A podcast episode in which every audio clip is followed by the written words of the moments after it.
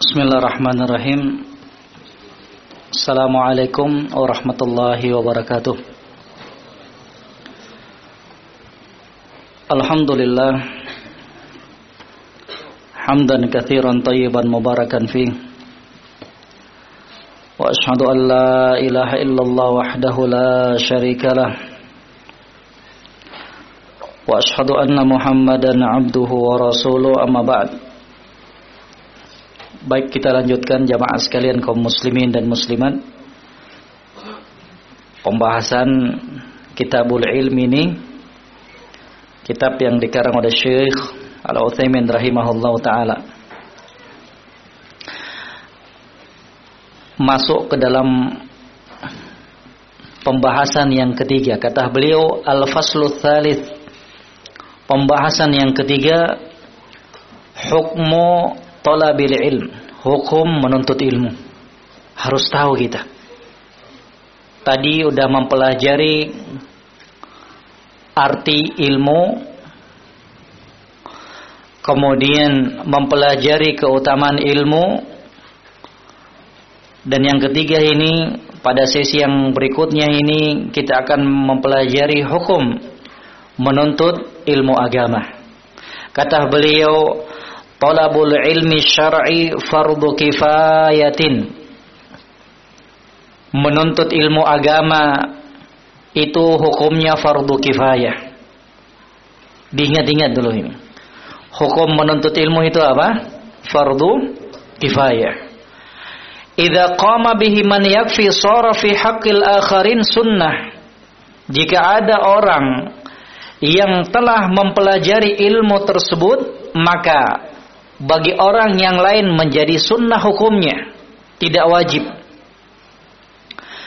Kemudian kata beliau wa qad yakunu talabul ilmi wajiban 'alal insani 'ainan ay fardhu 'ainin akan tetapi menuntut ilmu tersebut terkadang menjadi wajib hukumnya yaitu fardhu 'ain wa dhabituhu ayatawaqqaf 'alaihi ma'rifat ibadatin yuridu fi'laha atau muamalatan yuridul qiyam biha.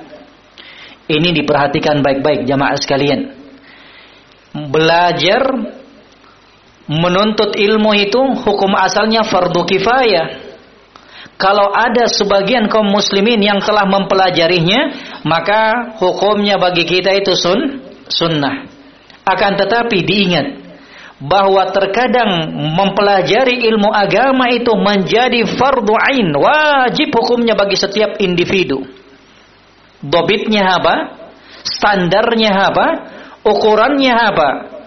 Agar kita mengetahui mana yang bersifat wajib yang harus kita pelajari dari ilmu agama, mana yang tidak kata beliau standarnya ukurannya, aturan mainnya, ilmu yang wajib harus dipelajari oleh setiap muslim dan muslimah individu per individu yaitu ilmu yang dia tidak akan bisa melaksanakan suatu ibadah ataukah muamalah kecuali dengan ilmu tersebut. Kapan dia ingin melaksanakan suatu ibadah, maka wajib hukumnya bagi dia untuk mempelajari ilmu tentang ibadah tersebut. Itu aturannya, itu standarnya. Contohnya ini, ada orang mau umroh. Paham ya? Kalau dia tidak memiliki kemampuan ataukah dia mau haji ataukah umroh dia tidak memiliki kemampuan maka mempelajari hukum-hukum tata cara tentang umroh dan haji itu hukumnya apa bagi dia fardu kifayah sunnah hukumnya paham ini jamaah sekalian nah ketika dia ingin umroh ataukah haji maka pada saat itu wajib hukumnya untuk mempelajari apa? Tata cara umroh dan haji yang sesuai dengan bimbingan Nabi Shallallahu Alaihi Wasallam. Dipahami ini jamaah sekalian. Itu aturannya, itu standarnya. Kapan ingin menilai ilmu ini fardu kifayah bagi saya, ini ilmu fardu ain yang harus saya pelajari. Kembalinya kepada itu. Kapan seseorang tidak bisa melakukan suatu ibadah ataukah muamalah interaksi kecuali dengan ilmu tersebut maka wajib untuk dia pelajari ilmu tersebut. Tadi kan haji tata caranya nggak perlu kita pelajari kalau nggak ada kemampuan. Bukan berarti kita sepelekan, tapi kita pelajari yang wajib dulu.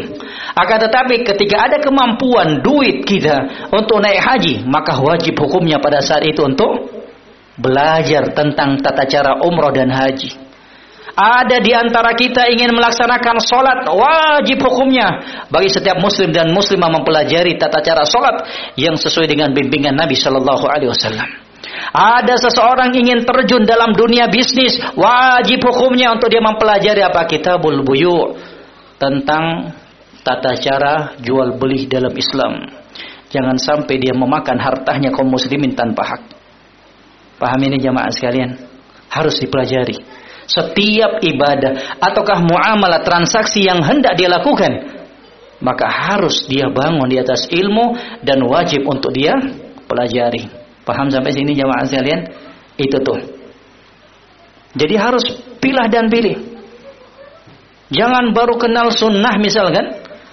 Baru Allah subhanahu wa ta'ala berikan hidayah. Dibuka pelajaran. Tata cara wudhu. Ah, nah udah tahu nih.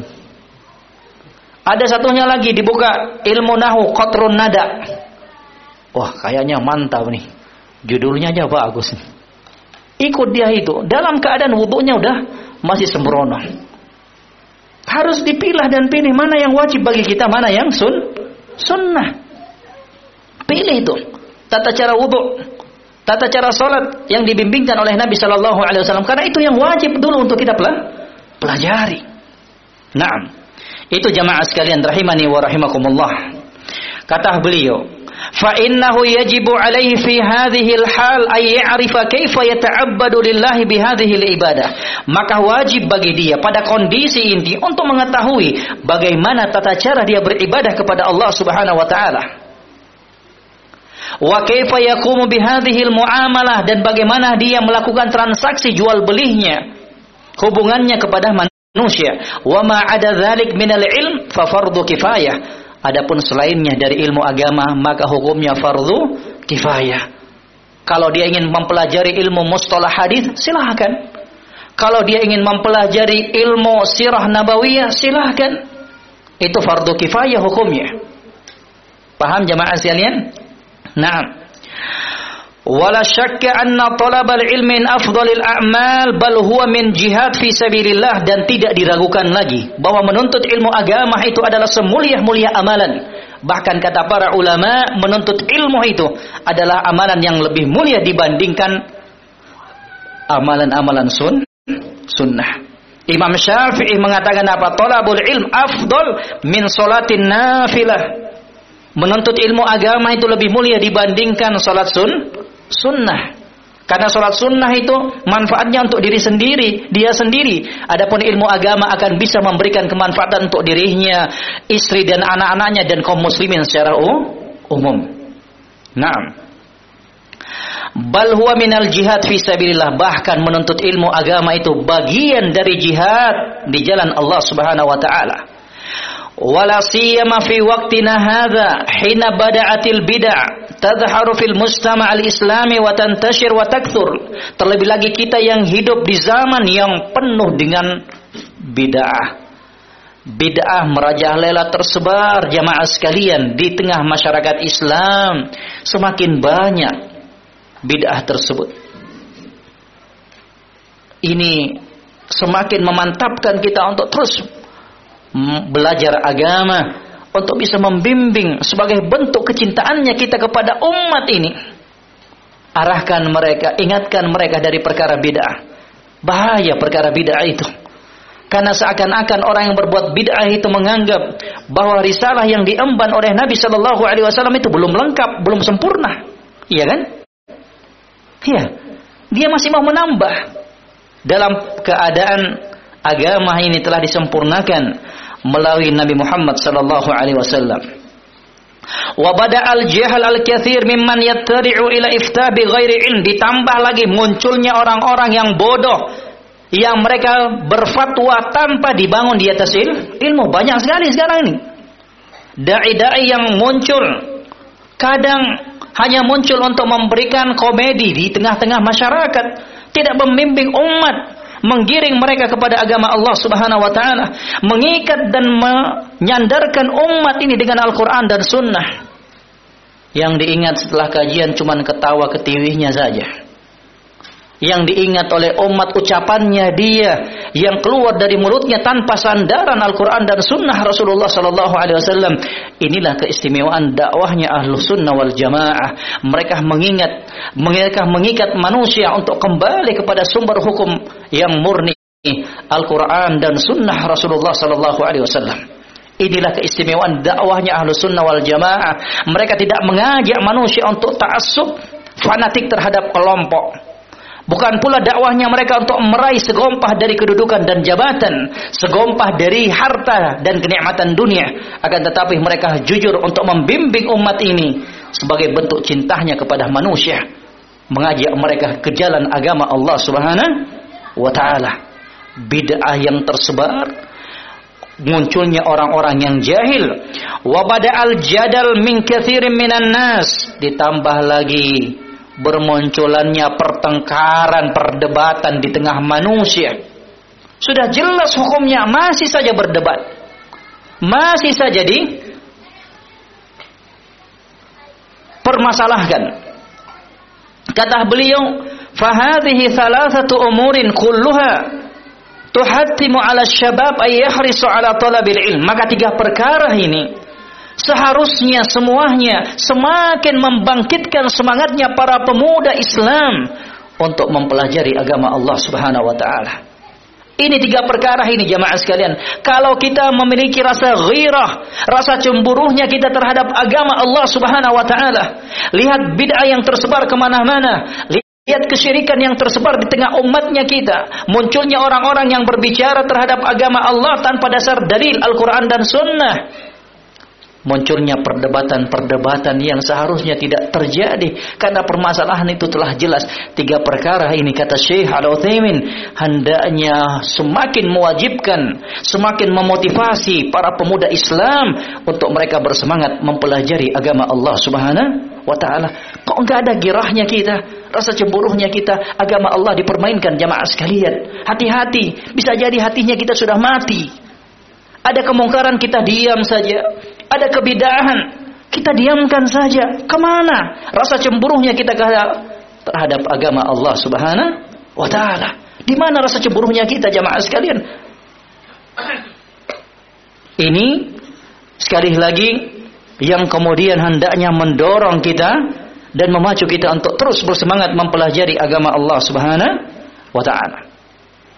Kemudian jamaah Sekalian rahimani wa rahimakumullah, kita akan masuk kepada pembahasan yang selanjutnya. Kata beliau, adabu talibil ilm. Adab-adab penuntut ilmu. Ini penting juga ini.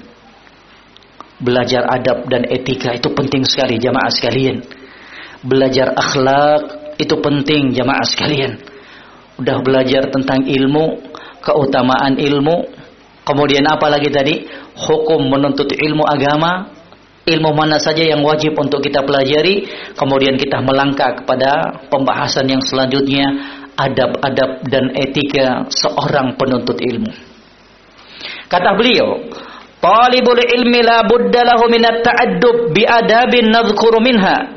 Seorang penuntut ilmu harus menghiasi dirinya dengan adab-adab yang kami sebutkan di antara adab tersebut Al-amrul awal. Ini yang paling pertama adab di dalam menuntut ilmu ikhlasun niyah lillahi azza wa jalla. Adab yang paling luhur, yang paling mulia, yang paling pertama kali ketika hendak menuntut ilmu agama, ketika hendak duduk menghadiri sebuah kajian ilmiah, majelis taklim, mengikhlaskan niatnya karena Allah Subhanahu wa taala. Ini adab yang paling luhur, adab yang paling mulia. Bi ayyakuna qasduhu bi talabil ilm wajah Allah wa daral akhirah lianna Allah hatha alaihi wa raghaba fihi. Bagaimana seseorang bisa mengikhlaskan niatnya ketika menuntut ilmu, ketika menghadiri kajian ilmiah? Kata beliau, dia maksudkan upaya dia mencari ilmu tersebut untuk mengharapkan dan mendapatkan wajah Allah Subhanahu wa taala dan pahala pada hari kiamat kelak. Karena Allah Subhanahu wa taala itu memberikan dorongan dan motivasi kita untuk menuntut ilmu agama. Faqala ta'ala Allah Subhanahu wa taala berfirman, "Fa'lam annahu la ilaha illallah wastaghfir li dzambik." Fa'lam, ketahuilah, belajarlah kata Allah Subhanahu wa taala. Itu tuh perintah tuh i'lam. Fa'lam kata Allah Subhanahu wa taala. Belajarlah, ketahuilah wahai Muhammad sallallahu alaihi wasallam. Ini perintah untuk kita belajar. Didorong kita, dimotivasi kita oleh Allah Subhanahu wa taala untuk kita bela belajar menuntut ilmu agama. Ketahuilah wahai Muhammad sallallahu alaihi wasallam, annahu la ilaha illallah, tiada sesembahan yang berhak disembah kecuali Allah Subhanahu wa taala. Belajar kamu. Wastaghfir li dan terhadap dosa kamu maka segeralah meminta istighfar pengampunan kepada Allah Subhanahu wa taala. Paham ini jemaah sekalian? Itu adab dan etika yang pertama. Ketika menuntut ilmu agama, ikhlaskan niatnya kita lillah karena Allah Subhanahu wa taala. Hati-hati. Sedikit melenceng saja. Niat kita salah ketika menuntut ilmu, Jangankan dapat pahala, cium bau surga aja nggak kita dapatkan. Tadinya amalan yang mulia, yang katanya ilmu itu akan mengantarkan dan memudahkan seseorang untuk masuk ke dalam surga Allah Subhanahu wa taala. Itu bagi orang yang niatnya bagus ketika menuntut ilmu. Sebaliknya, ilmu agama, menuntut ilmu agama bisa menjadi bumerang yang membinasakan seorang hamba.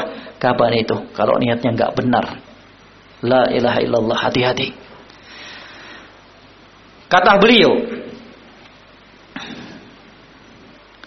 Idzan fayajibul ikhlas fihi lillah bi ayyanwi al insan fi talabil ilm wajah Allah azza wa jalla wa idza nawal insan bi talabil ilmi syar'a yanala shahada liyatawassala biha ila martabatin aw rutbatin faqad qala Rasulullah sallallahu alaihi wasallam man ta'allama ilman yubtagha bihi wajhullah azza wa jalla la yata'allamuhu illa liyusiba bihi 'aradan min ad-dunya. Lam yajid 'arafal jannah yaumal qiyamah. Kata beliau makanya wajib untuk mengikhlaskan diri mengikhlaskan niat ketika menuntut ilmu agama. Dia meniatkan dengan tuntutan ilmu agama tersebut. Upaya dia untuk menuntut ilmu agama tersebut dia mengharapkan wajah Allah dia meniatkan. Ya kalau dia meniatkan kata Syekh Utsaimin dia meniatkan mendapatkan gelar syahada gelar.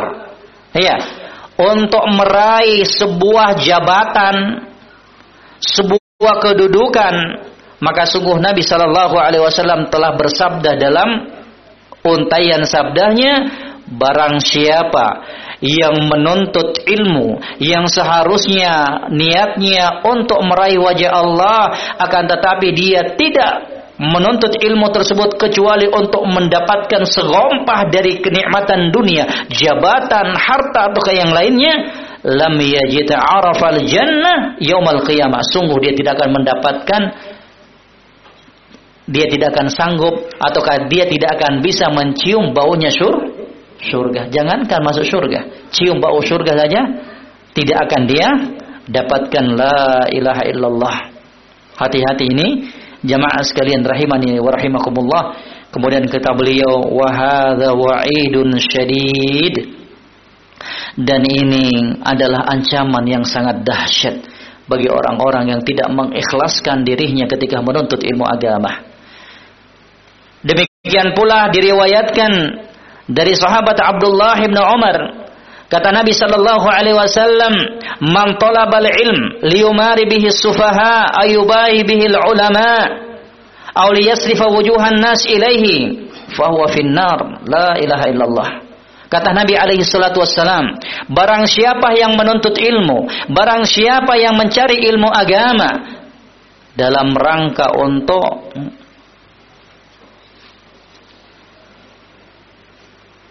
bisa berdialog ya bisa untuk berdebat dengan orang-orang yang bodoh. Tujuannya apa? Untuk berdebat saja. Dia belajar agama untuk berdebat. Setiap pada kesempatan ada orang yang ditemui udah sikat hantam.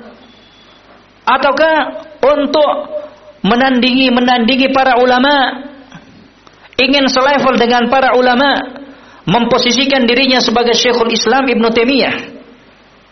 Ada pertanyaan, oh langsung dijawab. Ataukah katanya agar manusia melihat dia menengok kepada wajahnya. Ini nih saya nih. Ini nih saya nih. Lihat nih saya nih. Kata Nabi Shallallahu Alaihi Wasallam, fahuwa finnar. Sungguh orang tersebut tempatnya di neraka. Hati-hati jamaah sekalian. Rahimani wa rahimakumullah. Luruskan niatnya kita kita ketika menuntut ilmu agama, luruskan niatnya kita kita ketika menghadiri majelis-majelis kajian, majelis-majelis il, ilmu. Gimana Ustaz? Anak ini lebih enaknya, lebih seraknya belajar di Jamiah Islamiyah. Ayah, lulusan Yaman gak ada gelarnya Ustaz. Iya. Di Madinah bagus LCMA. Ana niatnya Ustaz untuk meraih gelar tersebut LCMA biar kita lebih mudah untuk ngisi di kantor-kantor. Bisa lebih mudah diterima di pemerintahan. Apakah benar niatnya ini? Apa jawabannya? Hah? LC MA Jawabannya apa? Boleh ini niat yang benar. Paham ya? Ya. Paham ini jamaah sekalian? Itu bukan niat yang salah. Mendapatkan gelar LCMA dalam rangka untuk semakin memudahkan langkahnya dia berdakwah di jalan Allah Subhanahu wa taala. Karena ini kita tidak bisa pungkiri dan itu saya dengar langsung dari fatwahnya ulama-ulama di Yaman gurunya kami. Katanya kalian di Indonesia butuh yang namanya gelar tersebut. Makanya sebelum pulang tuh kita nggak minta para masyih langsung menuliskan surat tazkiyah buat kami sebagai keterangan. Nanti kalau kalian pulang, perlihatkan manusia bahwa kalian itu belajar memang dari sumbernya para ulama. Mereka nggak ragu menimba ilmu di tengah-tengah kalian. Itu penting juga katanya. Kalau ada orang niatannya mencari gelar tersebut dalam rangka untuk memudahkan langkahnya berdakwah, maka ini niat yang benar. Paham ini jamaah sekalian? Ya, dan itu juga fatwahnya dari Syekh Al-Utsaimin rahimahullah taala. Kata beliau, "Idza kanatin niyatul insan nail syahada min ajli naf'il khalq ta'liman wa nahwiha." Jika seseorang manusia meniatkan mencari gelar tersebut untuk memberikan kemanfaatan kepada manusia, Fahadhihi niyatun salimah la tadurruhu syai. Maka ini niat yang benar yang tidak memberikan mudarat dan bahaya li'annaha niyatu haqqin karena ini adalah niat yang benar. Sekali lagi, jadikan gelar tersebut sebagai batu loncatan untuk bisa semakin memantapkan langkah dakwahnya kita, bukan untuk memamerkannya kepada manusia. Untuk bersifat sombong dengan gelar tersebut akan tetapi jadikan sebagai sarana saja untuk bisa kemudian bergerak leluasa berdakwah kepada pemerintahnya kita. Menyampaikan kepada pemerintahnya kita kepada instansi-instansi yang lainnya karena memang tidak bisa dipungkiri sebagian tempat itu harus lihat dulu gelarnya sampai kadang kalau ngisi harus dituliskan juga Ustadz Fulan Fulan, LC, MA. Padahal lulusan Yaman kami. Tapi apa? Mungkin karena gengsi. Ya kan? Kata di situ yang khutbah, yang isi kajiannya apa? LC, MA juga. Makanya kadang lulusan Yaman dituliskan juga apa? LC, MA. Padahal udah diberitahu, Pak, kami nggak ada gelar. Gak apa-apa katanya. Ya, itu dosanya Bapak lah. Ya kan? Kami udah lepas diri. Ya, kami udah terangkan kepada mereka. Nggak ada gelar jangan kami. Kami tahunya belajar kitab aja, udah selesai satu kitab, lanjut lagi. Ya. Nah, alam rosani yang kedua jamaah sekalian dari adab tersebut raf'ul jahli an nafsihi wa an ghairi. Dari adab seorang penuntut ilmu, hendaknya dia meng, ketika menuntut ilmu agama tersebut dia niatkan untuk mengangkat kejahilan dari dirinya dan dari orang lain. Dan sekali lagi jamaah sekalian untuk memberikan kemanfaatan ilmu kepada orang lain tidak harus membuat daurah, tidak harus duduk di majelis ilmu, tapi kapan ada kesempatan kita untuk mengajarkan manusia kebaikan, lakukan. Di warung kah, di kantornya kita kah, warnai dengan keberadaannya kita jamaah sekalian. Kita yang telah dipilih oleh Allah Subhanahu wa taala mengenal dakwah sunnah ini, upayakan warnai masyarakat yang berada di sekitarnya kita. Di kantornya kita warnai mereka dengan akhlaknya kita, warnai mereka dengan ilmu yang telah kita miliki. Arahkan mereka, bimbing mereka jamaah sekalian. Nah. Kemudian yang selanjutnya, al-amru tsalits. Perkara yang ketiga dari adab-adab tersebut ad-difa' anis syariah niatkan semuanya ketika kita belajar untuk membela syariat Allah Subhanahu wa taala. Niatkan ketika kita belajar menghadiri kajian ilmiah untuk membela agama Allah Subhanahu wa taala. Ini jamaah sekalian rahimani wa rahimakumullah. Kitab itu jamaah sekalian ini kitab nih. Itu tidak akan bisa membela agama Allah Subhanahu wa taala dengan sendirinya Dibutuhkan apa? Orang-orang yang membaca dan mempelajari kitab ini. Buktinya apa? Kalau ada ahlul bid'ah, ya berdiri di sebuah perpustakaan lengkap ini perpustakaan Islam ini kitab-kitabnya para ulama penuh kemudian ahlul bid'ah tersebut pelaku bid'ah ini melancarkan subuhat-subuhatnya mampu nggak kitab itu kemudian bicara membantah subuhat kerancuan berpikir dari pelaku bid'ah tersebut? Jawabannya apa? Enggak. Tapi dibutuhkan apa? Orang yang mau membaca kitabnya para ulama tersebut kemudian mematahkan hujahnya pelaku bid'ah tersebut. Dibutuhkan orangnya jamaah sekalian. Dibutuhkan pelakunya yang mau mempelajari kitab-kitabnya para ulama tersebut. Itulah sebagai bentuk pembelaannya kita terhadap syariat Allah Subhanahu wa taala. Mari mulai sekarang berpikir apa sih sumbangsing saya selama ini terhadap dakwah dan syariat ini. Mari berpikir sekarang ini jamaah sekalian. Apa sih yang telah saya sumbangkan untuk agama Allah Subhanahu wa taala? Mari berpikir sekarang. Apa sumbangsi yang telah kita lakukan untuk membantu agama Allah Subhanahu wa taala, untuk membela syariat Allah Subhanahu wa taala? Apa yang kita lakukan? Sumbangsi apa yang telah kita lakukan? Membela syariat Allah Subhanahu wa taala itu bukan tugasnya para dai jamaah sekalian. Tugas kita bersama. Siapa yang diberikan kemampuan harta, mari bela agama Allah Subhanahu wa taala dengan hartanya. Siapa yang pandai dalam bidang komputer dan sebagainya, mari gunakan kepandaian tersebut untuk menyokong dan mendukung dakwah ini. Siapa yang memiliki kelebihan tenaga, fisik yang telah Allah Subhanahu wa taala lebihkan bantu agama Allah Subhanahu wa taala sekali lagi tugas membela dakwah ini tugas membela syariat ini tidak terbatas tugasnya para ustadz dan dai. Camkan ini jemaah sekalian, ini tanggung jawabnya kita sebagai hamba Allah Subhanahu wa taala. Kata Allah Subhanahu wa taala, "In tansurullah yansurkum wa yuthabbit aqdamakum." Bantu agama Allah Subhanahu wa taala, niscaya Allah Subhanahu wa taala akan membantu kalian dan mengokohkan kaki-kaki kalian. Belajar kita sumbang apa yang bisa kita sumbang untuk agama ini, untuk dakwah ini, dari pikirannya kita, dari idenya kita. Ustaz, afwan, ana nggak ada duit. Afwan Ustaz, ana belum bisa baca kitab, tapi ana pandai gambar Ustaz. Itu memang bidangnya saya. Udah. Antum yang gambar. Ada sakan yang mau dibangun, ada masjid sunnah yang mau dibangun, bantu.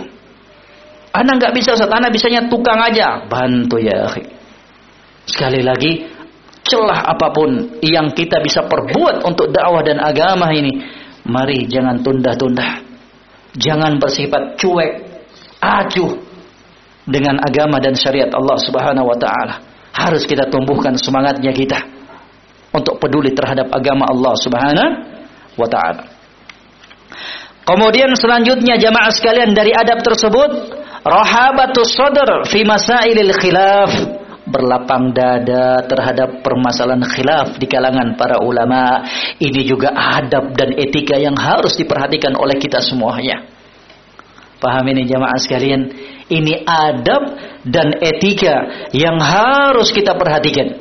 Kata beliau, ayakuna sodruhu rahaban fi mawatinil khilaf alladhi masdaruhu al-ijtihad.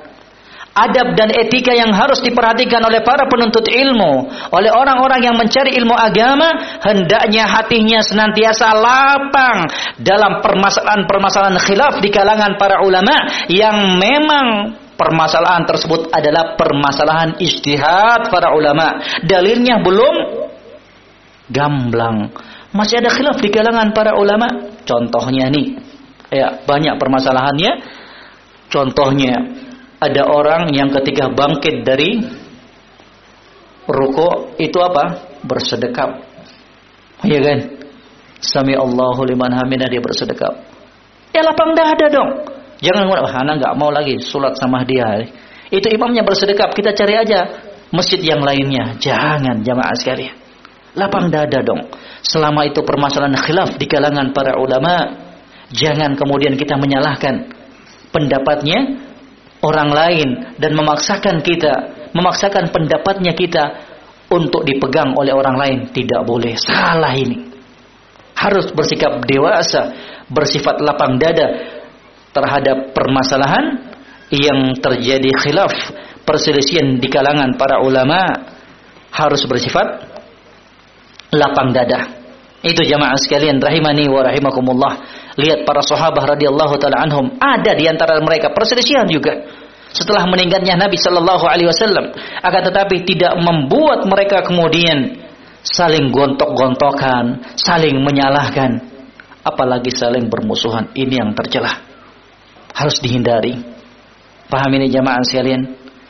Selama permasalahan itu permasalahan khilafiyah perselisihan di kalangan para ulama yang masing-masing kubu memiliki dalil maka harus berlapang dah berlapang dada. Jangan sampai membuka keran bagi syaitan untuk melemahkan barisannya kaum muslimin. Harus diperhatikan ini jamaah sekalian. Apalagi sampai tahajur saling memboikot tidak salam. La ilaha illallah itu semangat agama yang didasari dan dibangun di atas kejahilan.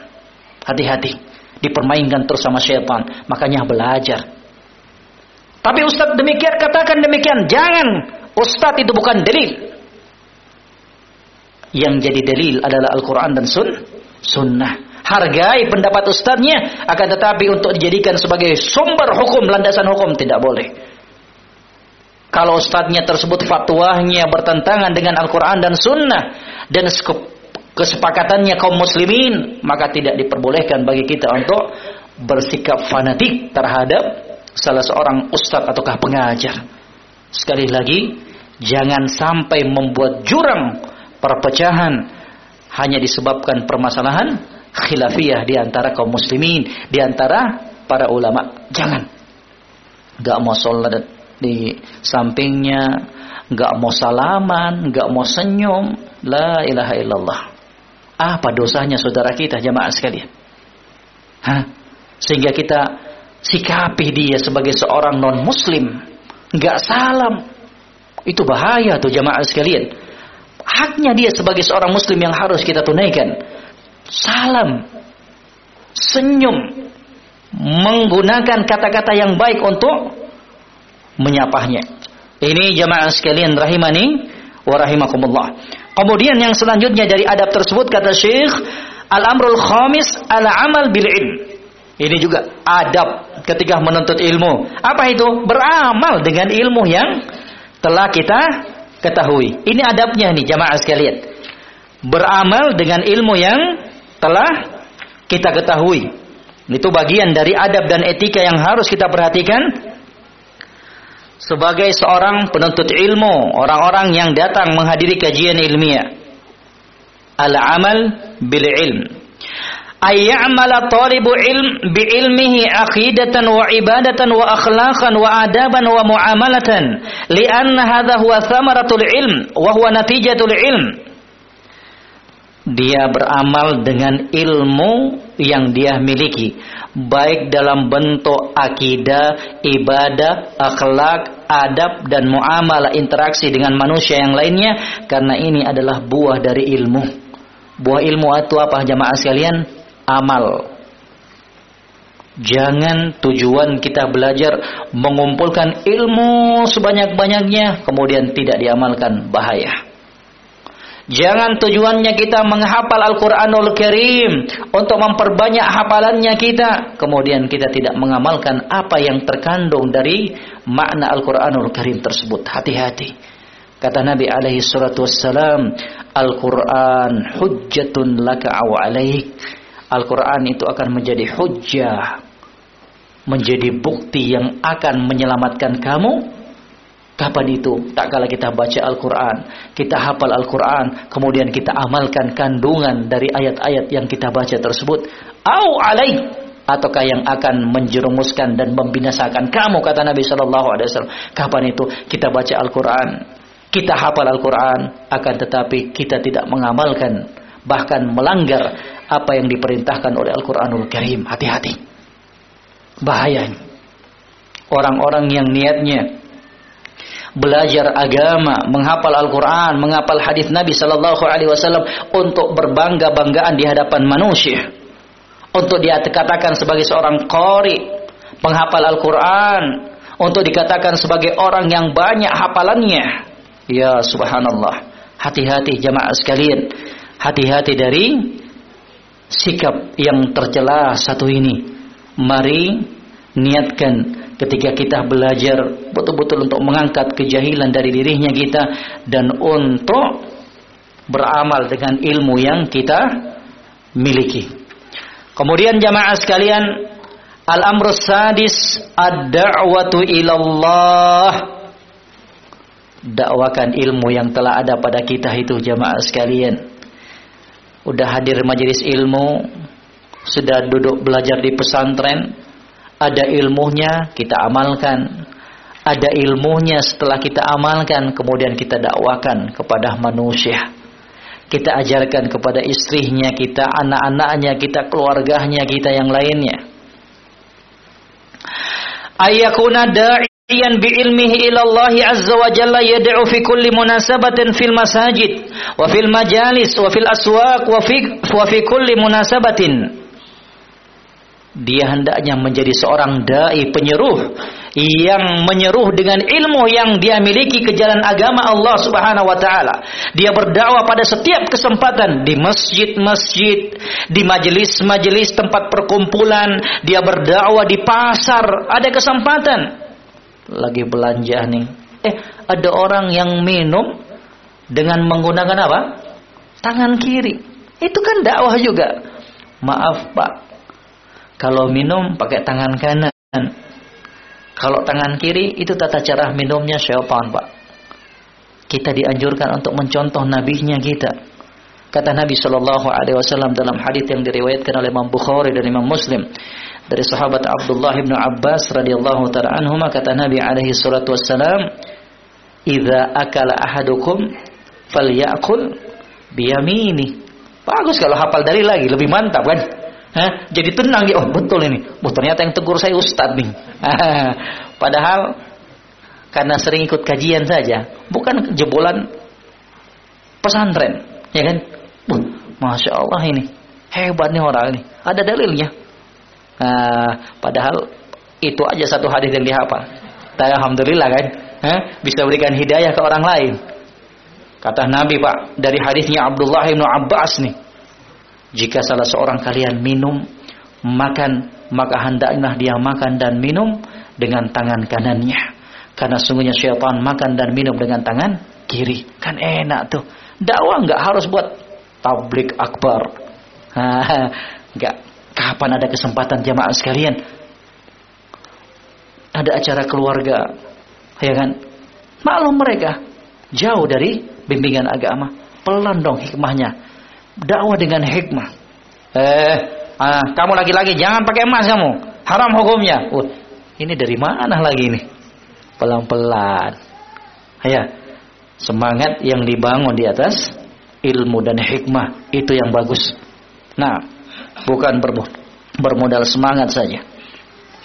Kata beliau, "Wahadzan nabi sallallahu alaihi wasallam ba'da an atahu Allahu nubuwah wa risalah ma jalasa fi baitihi bal kana yad'u nas wa Dan ini adalah Nabi Sallallahu Alaihi Wasallam. Setelah Allah Subhanahu Wa Taala menurunkan nubuah risalah kepadanya, beliau Nabi nggak berdiam diri di rumahnya, akan tetapi beliau keluar dari rumahnya dan bergerak untuk mengajak manusia berdakwah di tengah manusia.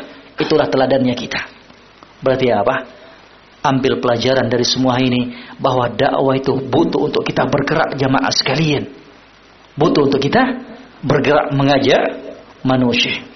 Kemudian yang selanjutnya al-amru sabi.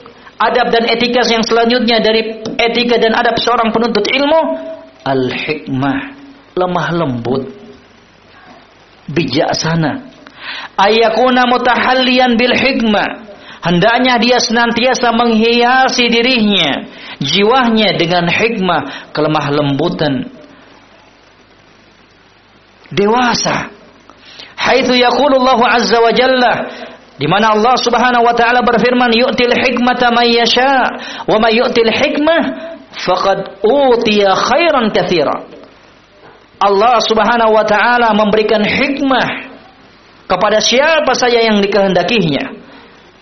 Allah Subhanahu wa taala akan memberikan dan menganugerahkan ilmu akhlak yang mulia kepada siapa yang dikehendakinya dan barang siapa yang telah diberikan hikmah maka sungguh dia telah mendapatkan bagian yang banyak dari pemberian Allah Subhanahu wa taala. Wal hikmatu ay yakuna talibul ilmu rabbiyan li ghairihi bima yatakhallaqu bihi min al akhlaq wa bima yad'u ilaihi min dinillahi azza wa jalla bihaitsu yukhatibu kulla insan bima yaliku bihalihi. Ini yang penting juga jamaah sekalian. Kita selaku dai kita sebagai seorang ahlu sunnah wal jamaah memperhatikan perkara yang satu ini. Ketika mengajak manusia, mari ajak mereka dengan hikmah, dengan penuh kelemah lembutan. Jangan berdakwah, jangan mengajak manusia dengan bekal semangat saja. Tidak cukup. Berdakwah di tengah keluarganya kita. Ngajak ibunya kita, bapaknya kita, kakaknya kita, adiknya kita, bibinya kita, omnya kita Jangan bermodal semangat semangat belaka, tapi tuntun dan iringi semangat tersebut, rasa cemburu tersebut dengan apa? Hikmah dengan kelemah lembutan. Ini penting yang mungkin terkadang dakwahnya kita tertolak disebabkan ini. Enggak bijak kita. Enggak lembut kita ketika mengajak mereka. Ya wajar. Coba dibalik keadaannya. Dia yang paham agama, kita nggak paham agama. Hah? Mau kita diperlakukan demikian, jamaah sekalian? Setiap ada pelanggaran, haram. Haram. Haram. Bid'ah. Eh, ini apa ini? Iya kan? Kaget mereka. nggak siap mereka. Kita ingin merubah mereka dari kondisi yang tidak mengenal agama sampai mau sesuai dengan keinginannya kita 180 derajat. Mustahil. Butuh waktu jamaah sekalian. Butuh hikmah jamaah sekalian untuk merubah manusia tersebut. Contohnya lah kita. Ya, kita kenal dakwah ini walhamdulillah secara perlahan-lahan. Iya kan? Coba kalau kita dikerasi, gak mau kita, makin lari kita. Nah, katanya dan hikmah itu hendaknya seorang penuntut ilmu membimbing dan mengajak manusia dengan akhlaknya. Ini yang paling penting. Ajak manusia dengan akhlaknya kita Ribuan kata yang keluar dari ucapannya kita. Bagaimanapun indahnya kita merangkaikan kata demi kata. Kalau orang tersebut udah nggak serak dengan akhlaknya kita, nggak mau dia terima nasihatnya kita. Gimana memberikan nasihat? Tapi akhlak yang kita contohkan kepada mereka sangat jauh dari bimbingan Islam. Iya kan jamaah sekalian? Perlihatkan dulu dalam akhlak dan adab yang baik kepada mereka. Buat mereka hatinya merasa tentram dengan kita. Itu kalau udah berikan nasihat menjadi mudah jemaah sekalian. Iya kan? Makanya kata para ulama, berdakwah dengan akhlak, dengan adab yang luhur, ablak itu lebih menyentuh dibandingkan berdakwah dengan seribu macam kosakata dan kalimat. Akhlak. Akhlak. Itu jamaah sekalian rahimani wa rahimakumullah. Kemudian kata beliau, dan hendaknya mereka mengajak manusia ke dalam agama Allah Subhanahu wa taala dan berbicara sesuai dengan kondisi setiap manusia. Kita ketika berdakwah kepada orang di pedalaman, ya tentu beda ngomongnya kita dengan orang-orang yang tingkatan sekolahnya tinggi. Jangan di satu satu resep semuanya nggak boleh. Salah. Strategi dakwah yang salah jamaah sekalian. Anzilun nas manazilahum. Tempatkan manusia sesuai dengan kondisinya mereka masing-masing. Berdakwah di tengah-tengah pejabat beda dengan cara dakwahnya kita di tengah masyarakat pedesaan. Untuk masyarakat pedesaan, khitab mereka, ajak mereka dengan ucapan-ucapan yang mudah mereka pahami. Jangan buat tablik akbar, kemudian pakai retorika-retorika, kata-kata yang wah luar biasa. Orang kampung nggak paham ini maksudnya apa ini, iya kan? Nggak paham mereka. Nah kalau di hadapan pejabat orang-orang yang berpendidikan, silahkan pakai itu untuk menunjukkan kepada mereka bahwa kita ini Belajar juga, tidak asal mengajarkan mereka. Paham ini jamaah sekalian? Anzilun nas manazilahum, tempatkan manusia pada tempatnya masing-masing. Dakwahi manusia sesuai dengan kemampuan yang mereka bisa tangkap dengan akalnya mereka. Ini bagian dari strategi berdakwah jamaah sekalian. Jangan di satu ratakan semuanya manusia ketika berdakwah itu beda. Orang tua dengan anak muda beda cara dakwahnya. Jangan perlakukan orang tuanya kita yang seharusnya kita hargai dan hormati mereka. Kedudukannya sama dengan anak muda. Pakai bahasa gaul, bergaul sama kakek-kakek orang tua. Ya nggak kena dong. Iya kan? Dengan anak muda, ya beda lagi strateginya. Ini yang harus dicermati bagi setiap penyuruh di jalan agama Allah Subhanahu wa taala. Kata Allah Subhanahu wa taala, "Ud'u ila sabili rabbika bil hikmah wal mau'izatil hasanah wajadilhum billati hiya ahsan." Kata Allah Subhanahu wa taala, ajak manusia ke jalan agama Rabb kalian dengan cara hikmah, lemah lembut. Dengan mau'izah, berikan mereka teguran-teguran nasihat-nasihat yang baik. Kalau nggak mempan juga tingkatan yang pertama dan kedua ini dengan cara lemah lembut, dengan cara untayan nasihat dan ujangan yang baik. Wajadilhum billati ahsan. Barulah kita berdebat dengan mereka, tapi dengan cara yang baik. Bukan tujuannya untuk menjatuhkan dia, tapi untuk membimbing dia ke arah kebaikan. Itu jamaah sekalian, rahimani wa rahimakumullah. Kemudian yang selanjutnya dari adab tersebut kata Syekh Al-Utsaimin al-amrul tsamin ayyakuna talib sabiran 'alal ilm. Ini juga yang penting. Hendaknya seorang penuntut ilmu, orang-orang yang menghadiri kajian ilmiah itu senantiasa bersabar ketika menuntut ilmu agama. Ketika belajar itu terkhusus kepada para santri penuntut ilmu yang dibutuhkan cuman kesabaran saja Sabar. Sabar itu kuncinya.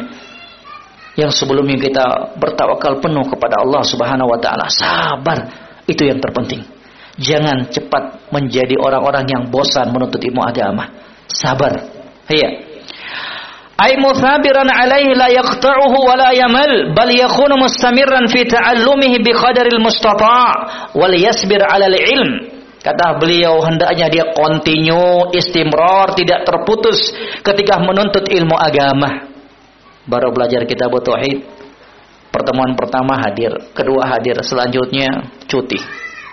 La ilaha illallah. Jangan. Sabar jamaah sekalian. Sabar. Ikuti kajian terus menerus. Sabar aja. Sabar. Kita itu berada dalam jihad fisabilillah. Membela agama Allah subhanahu wa ta'ala. Sabar ketika menuntut ilmu agama. Butuh waktu yang panjang untuk mempelajari agama Allah Subhanahu wa taala itu jamaah sekalian. Enggak ada waktu dan enggak ada istilah cuti di dalam menuntut ilmu agama. Udah, ana udah lama kok ngajinya. Udah lama. Gak butuh lagi taklim. Hati-hati. Kemudian yang selanjutnya Al-amru tasi ihtiramul ulama wa taqdiruhum menghormati dan menghargai para ulama. Itu juga penting adab dan etikanya kita. Tahu diri jamaah sekalian siapa kita dibandingkan ulama. Iya. Apalagi ulama tersebut adalah ulama sunnah yang terkenal membela agama Allah Subhanahu wa taala, yang terkenal gigih untuk menyebarkan sunnah Rasulullah sallallahu alaihi wasallam. Kok tega-teganya kita untuk menghancurkan dan merendahkan kehormatannya? Apalagi ulama tersebut adalah gurunya kita. Bukan saya katakan mantan gurunya kita, tapi ulama itu adalah gurunya kita yang mungkin kebaikannya tidak akan mungkin bisa untuk kita balas jamaah sekalian. Ya, muliakan mereka para ulama, hormati mereka, hargai mereka orang-orang yang berilmu tersebut. Karena ini merupakan adab dan etika yang harus diperhatikan oleh orang-orang yang belajar agama. Jangan digibahin gurunya. Kalau gurunya ada salah, jangan digibahi, digosipin, jangan. Manusia itu ada kelebihan dan kekurangannya. Enggak ada orang yang sempurna jamaah sekalian. Makanya kata para ulama, barang siapa yang mencari seorang ustadz, seorang dai, seorang pengajar yang sempurna, maka dia akan hidup bodoh sepanjang hidup, sepanjang hidupnya. Barang siapa yang ingin duduk belajar di hadapan seorang guru yang sempurna, maka sungguh dia akan hidup di atas kebodohan sepanjang hidupnya. Kenapa nggak mau belajar dia? Belajar kitab ini ada gurunya. Ya namanya manusia biasa. Ada tergelincir, salah misalkan. Udah tinggalin. Datang lagi pilih guru ini, salah lagi. Padahal salahnya nggak fatal. Ya manusia biasa, iya kan? Pindah lagi. Sampai kapan lo gini terus ente? Sabar. Ada kesalahan gurunya datang, Ustaz Afan, ini saya tahunya yang begini Ustaz. Apa benar ya? Mana ya Ustaz ya? Jangan Ustaz antum salah ini Ustaz. Anak itu Ustaz fulan ini. Ini membuat ini sama dengan apa? Mengadu Ustaz ajak berantem Ustaz Ustaz fulan dengan fulan ini. Jangan. Ini akhlak yang harus diperhatikan. Kalau menukil perkataan Ustaz yang lain jangan sebutkan Ustaz namanya jangan disebutkan. Paham ini? Untuk menjaga perasaan gurunya kita. Afwan Ustaz. Anda pernah dengarkan dari seorang Ustaz demikian nih. Mana sih yang benar Ustaz? Itu yang hebat tuh santri yang bagus, ikhwah yang bagus, ummahat yang bagus. Itu tuh. Antum salah, Ustaz. Ini antum nggak mau, nggak dengar Ustaz. Ini nih ada videonya nih. Jangan ya, akhi.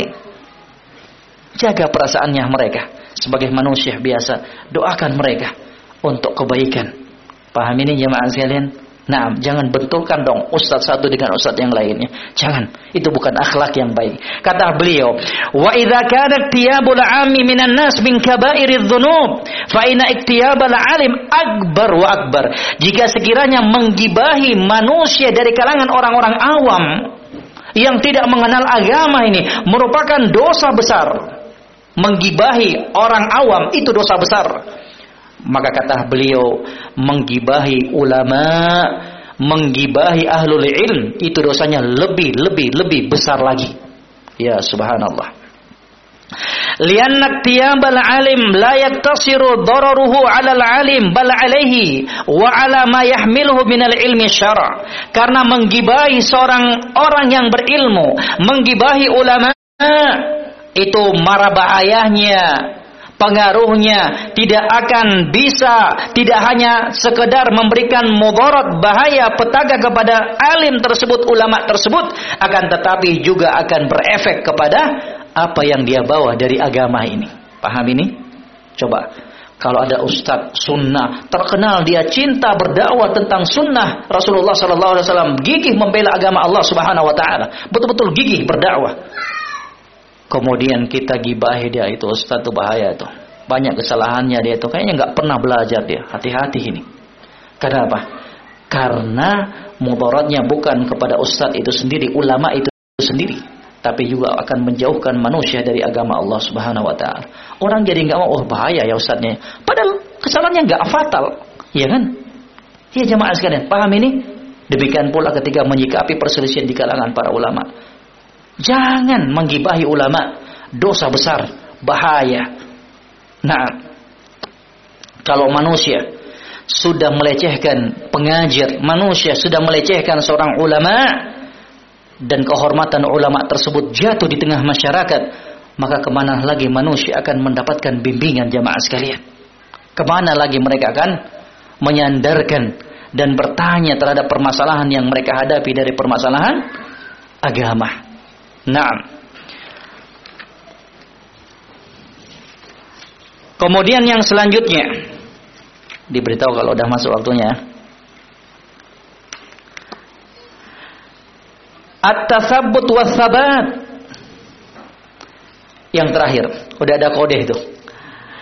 Katanya at-tasabbut was sabat. Cross check tabayyun terhadap berita-berita yang ada dari penukilan-penukilan yang ada. Ini pun adab dan akhlak. Wa min ahammil adab allati yajibu ayatahalla biha talibul ilm at-tathabbut fima yunqal minal akhbar.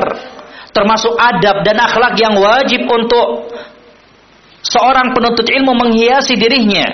Wajib bagi seorang muslim dan muslimah untuk menghiasi dirinya adalah bersikap tasabbut cross check tidak tergesa-gesa menukilkan sebuah ucapan hati-hati jemaah sekalian ini terkadang yang memperguru suasana dakwah sunnah terlalu menggebu-gebu tergesa-gesa menukilkan sebuah berita yang didengarkan tanpa cross check dahulu iya kan baru dengar tersebar di Facebook ataukah yang lainnya langsung di share ini bahaya.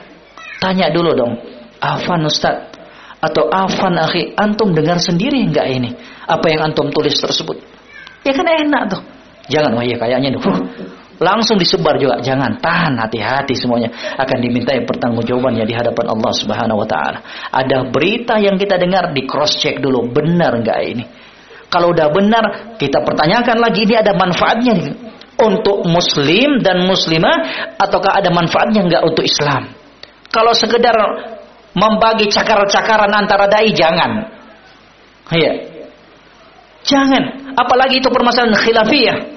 Tahan. Share yang bagus saja. Berikan kemanfaatan untuk kaum muslimin. Tathabut jamaah sekalian. Ini yang paling penting. Jangan tergesa-gesa ketika menukilkan sebuah berita yang kita dengarkan, di cross check dulu. Ini betul nggak ini berita ini sahih nggak? Telepon Ustaz, katanya begini ya. Apakah betul ini ucapan antum Ustaz? Paham ya? Iya. Kalau betul, ya nasihati dengan baik afan Ustaz demikian dan demikian. Kan enak tuh jemaah sekalian. Jangan kita menjadi sumber perpecahan di kalangan manusia. Jangan kita menjadi biang kerok dalam sebuah permasalahan yang terjadi, perselisihan yang terjadi di kalangan manusia dan semoga apa yang kita paparkan ini bisa memberikan kemanfaatan untuk kita semuanya dan insyaallah taala pada sesi yang terakhir setelah sholat asar jam 4 ya. Insyaallah taala kita lanjutkan sesi yang terakhir sebab-sebab yang akan membantu seseorang untuk berhasil di dalam menuntut ilmu agama. Itu yang penting juga untuk kita pelajari dan insyaallah taala setelah maghrib nantinya maghrib isya kita akan apa mengadakan pengajian di masjid mana? Sajid Muhammad Sajid insyaallah taala terkait tema adab dan etika utang piutang itu penting untuk kita pelajari. Ternyata dalam muamalah utang piutang ada adab dan etika yang harus diperhatikan oleh seorang muslim dan muslimah. Wa akhiru da'wana alhamdulillahi rabbil alamin. Subhanakallahumma bihamdik. Asyhadu an la ilaha illa anta astaghfiruka wa atubu ilaik. Wassalamu alaikum warahmatullahi wabarakatuh. Tafaddalu barakallahu fikum